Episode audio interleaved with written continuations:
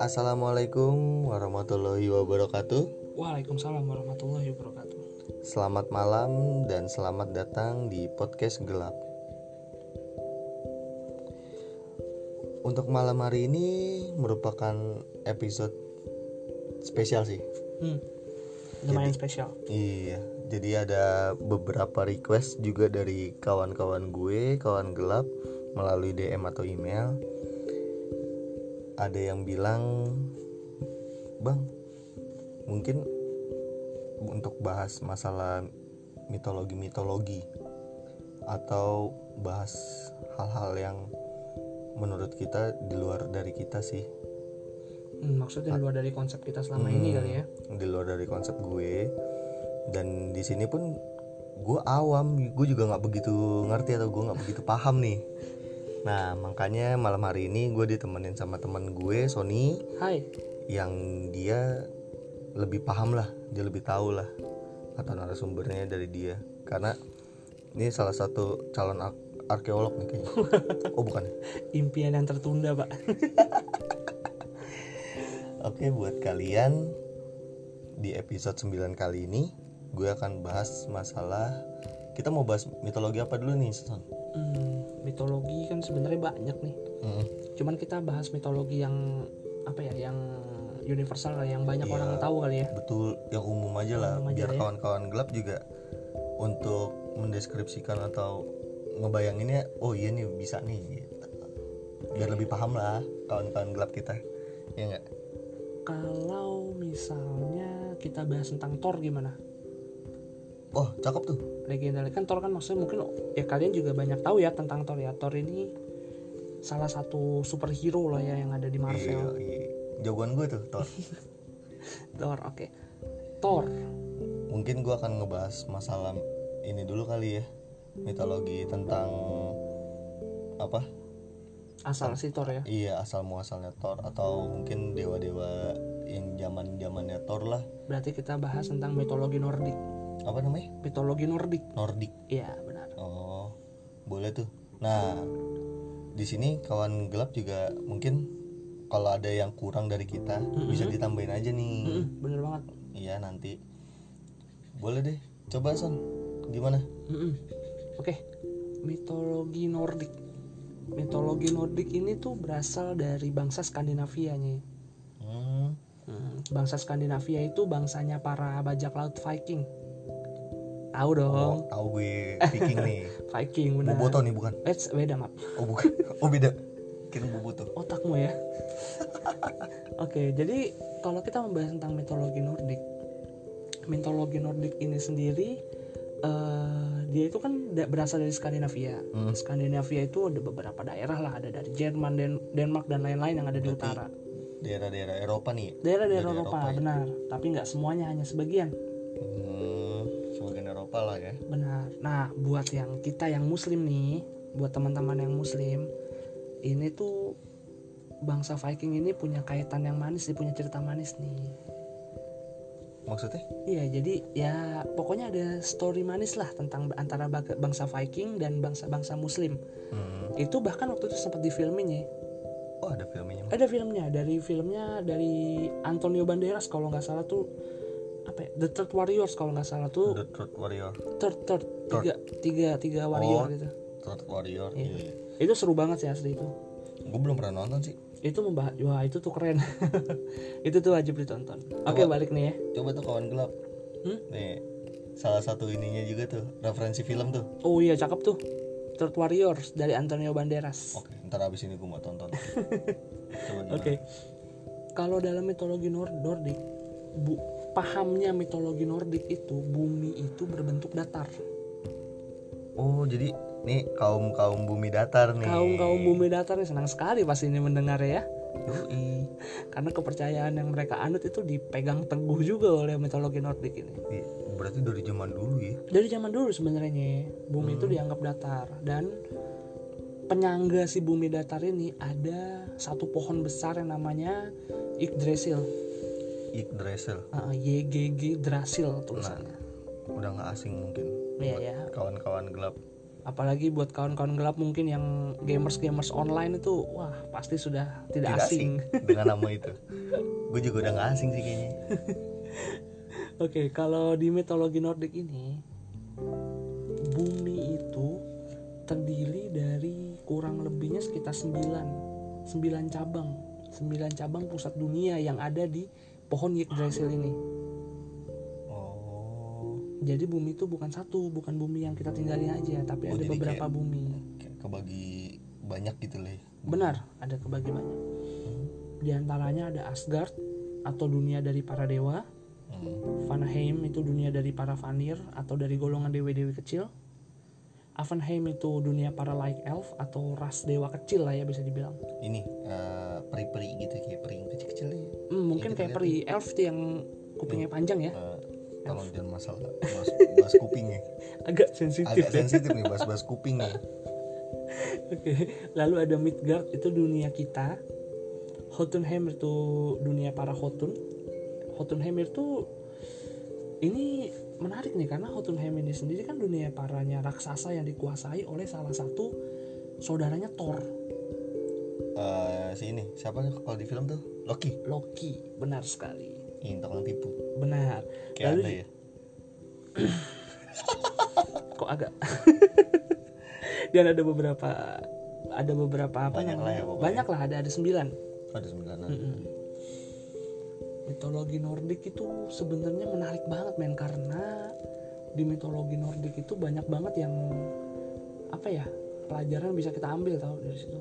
Dari pertama keserakahan lalu apa namanya eh, ketamakan kesombongan dan lain-lain. Karena itu ada semua di dewa-dewanya mereka. Jadi pada intinya itu ini udah diceritain dari zaman dulu nih ya tentang keserakahan tamakan gitu. Benar. Dan di situ disebutkan maksudnya di legenda itu tuh menyebutkan bahwa keserakahan ketamakan kesombongan dan lain-lain itulah yang menyebabkan hancurnya mereka nanti pada hari akhir atau Ragnarok bagi mereka. Oh Judgment Day. Judgment Day-nya tuh. Itu kan waduh menarik sekali sih sebenarnya. Iya sih. Lu bayangin tuh pada tuh. Nih dunia-dunia dewa aja ada Judgment Day nih. Ada Doomsday. Ada Doomsday-nya. Gimana kita? Yang cuma manusia biasa oke. Nah kalau misalnya kita membahas tentang Nordik nggak lengkap kalau kita nggak bahas tentang dewa-dewinya. Oh nama-nama dewanya nama-nama dewanya. Kalau Nordik sendiri itu kan dia dimulai dengan legenda dari Bor dan Beri. Itu istilahnya salah satu dewa pertamanya lah.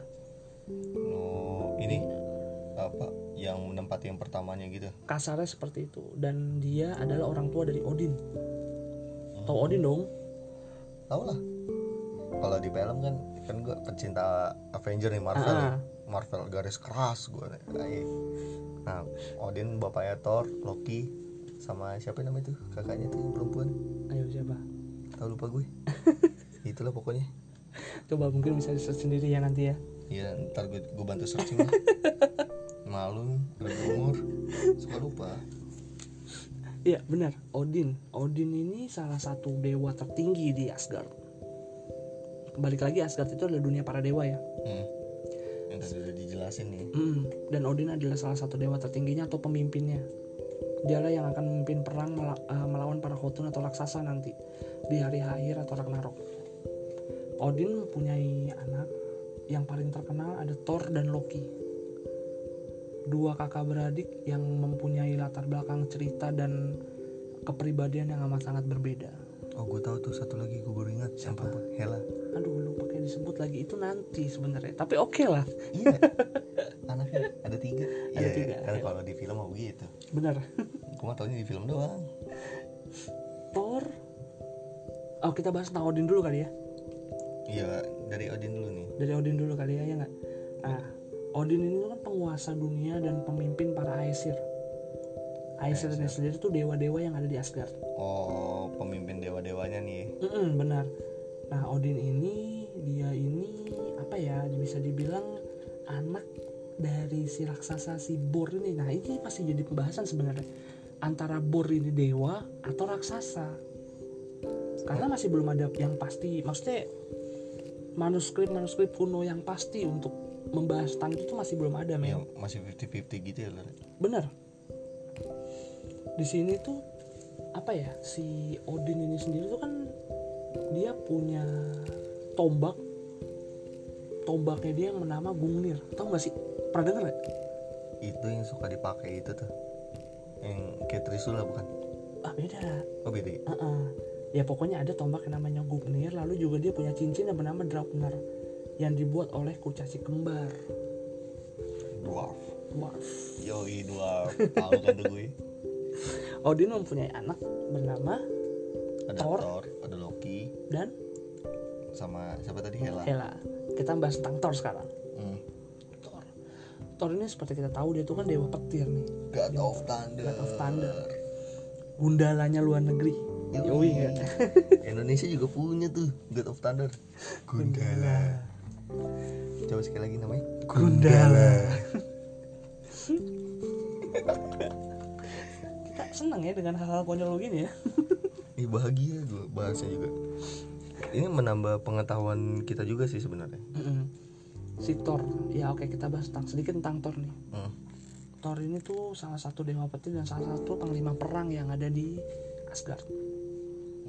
Panglima perang. Panglima perang kondisinya dia itu dikhianati oleh saudaranya sendiri yang mana saudaranya itu sebenarnya emang dia sayang banget sama saudaranya ini. Saudaranya itu Loki. The Foolish Clone. The Police Clone atau Dewa Penipu. Dewa penipu. Hai Dewa Penipu. Badut penipu dewa penipu. Wah ini gimana ya? Ini ini makanya itu tadi gue bilang. Ini bener-bener ngebahas kondisi manusia-manusia yang ada di zaman sekarang. Hmm, sense juga sih. Bener gak sih? Bener. karena ya itu tadi lah penipu eh, tukang bohong keserakahan ketamakan kesombongan dan lain-lain itu yang menghancurkan semuanya kan? Termasuk dari hubungan persaudaraan mereka berdua. Tuh saudaranya bisa hancur gara-gara begitu. Bye bye nih. Mm-mm.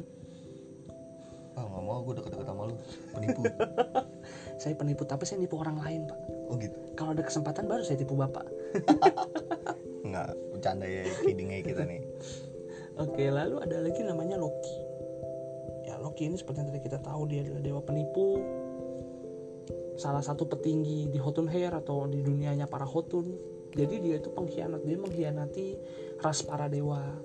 Loki mengkhianati Asgard karena Loki merasa gini loh. Ketika lu mempunyai kakak dan kakak lu ini perfeksionis yang bener-bener sempurna, oh yang bener-bener dipuja-puja oleh banyak orang. kayak iri lah ya Benar. Lokinya Loki itu kan merasa iri, merasa terintimidasi oleh kakaknya sendiri. Ya akhirnya dia mencari mencari apa ya? Mencari satu wilayah yang bisa menempatkan dia sesuai dengan porsinya dia. Hmm. Dan dia mendapatkan tempat di Jotunheim Jotunheim atau dunianya para Jotun, ini ya tadi apa namanya raksasa, raksasa. gitu Dan bahkan dia menjadi salah satu petinggi loh di sana. pemimpin raksasa kali Dia memimpin perang. Loki ini memimpin para raksasa pada perang akhir ketika Ragnarok. Wah, kenapa selalu gue bahas Ragnarok? Karena itu klimaks banget sih Ragnarok.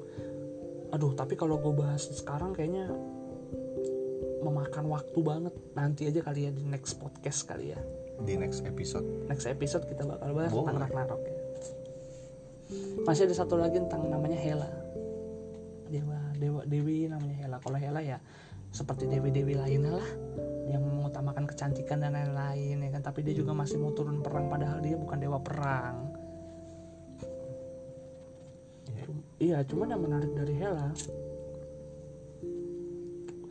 Hela itu sendiri sempat diajak oleh Loki beberapa kali untuk mengkhianati Odin. Oh diajak bersekutu nih? Diajak bersekutu sebenarnya. Maksudnya ya itu balik lagi ke tadi. Ketika lu mempunyai seorang kakak yang yang overpower dan yang dicintai oleh banyak rakyat Iya. Otomatis lu bakal merasa terintimidasi kan? Iyalah Eh, tapi ya pasti itu kembali lagi karena Hela cewek dia tidak, tidak terlalu memikirkan kekuasaan. Yang penting kecantikan aja buat dia kan? Jadi dia nggak tertarik. Nama juga wanita. Namanya juga wanita. Selalu ingin dimengerti. Karena wanita. Eh dia nyanyi. Mitologi Nordik mitologi Nordik sendiri itu dipegang teguh sama beberapa bangsa Viking meskipun bangsa Viking juga ada beberapa yang sudah menganut ajaran Islam karena itu tadi ter- apa terdapat eh, ikatan emosional antara bangsa Muslim dan juga bangsa Viking. Tapi juga nggak sedikit Viking Viking muda yang masih mempercayai, mempercayai kepercayaan mereka. Atau Nordik? Sebenarnya berarti uh, Viking ini benar-benar ada ya zaman dulu ya? Kalau menu kalau menurut apa manuskripnya ada? Oh, emang ada ya? Memang ada. Maksudnya banyak kok ditemukan apa pedang-pedang Viking lalu kapak-kapaknya. ya. iya peninggalannya banyak sekali. Tentang Viking. Oke gue pikir cuman kayak cerita doang gitu. Pirates itu nyata men. Pirates itu nyata. Blackbird Whitebird ya termasuk si Viking itu sendiri. Itu nyata kalau di film One Piece kan ada salah satu bajak laut wanita terkuat Big Mom. Hmm. itu pun nyata. Ternyata semuanya. Itu nyata ada. Dia dari bangsa Chinese. Pirates dari bangsa Chinese. Wanita. Dan dia dia tuh menguasai salah satu armada terbesar di dunia. Ini kisah nyata. Wah tuh keren banget sih makanya. Yang fiksi yang fiksi Jack Sparrow.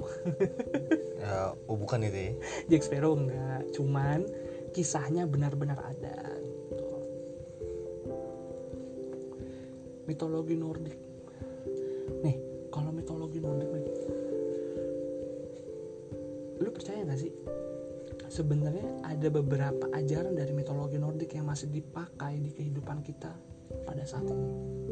Hmm. ya salah satu yang paling terkenal kan penganut kaum bumi datar kan? Oh iya bener. Nah itu kan salah satunya. Nah. ada lagi bang banyak banget sebenarnya men. Banyak banget yang mengadaptasi dari ajaran mitologi Nordik. Dan itu menjadi salah satu kepercayaan populer yang ada di dunia sekarang. Bukan dari bukan bukan dari lima kepercayaan agama ya. Bukan dari agama tapi kepercayaan.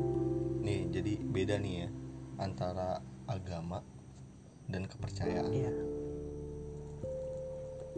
Kalau kepercayaan yang kita percayai agama itu mutlak Oh jelas.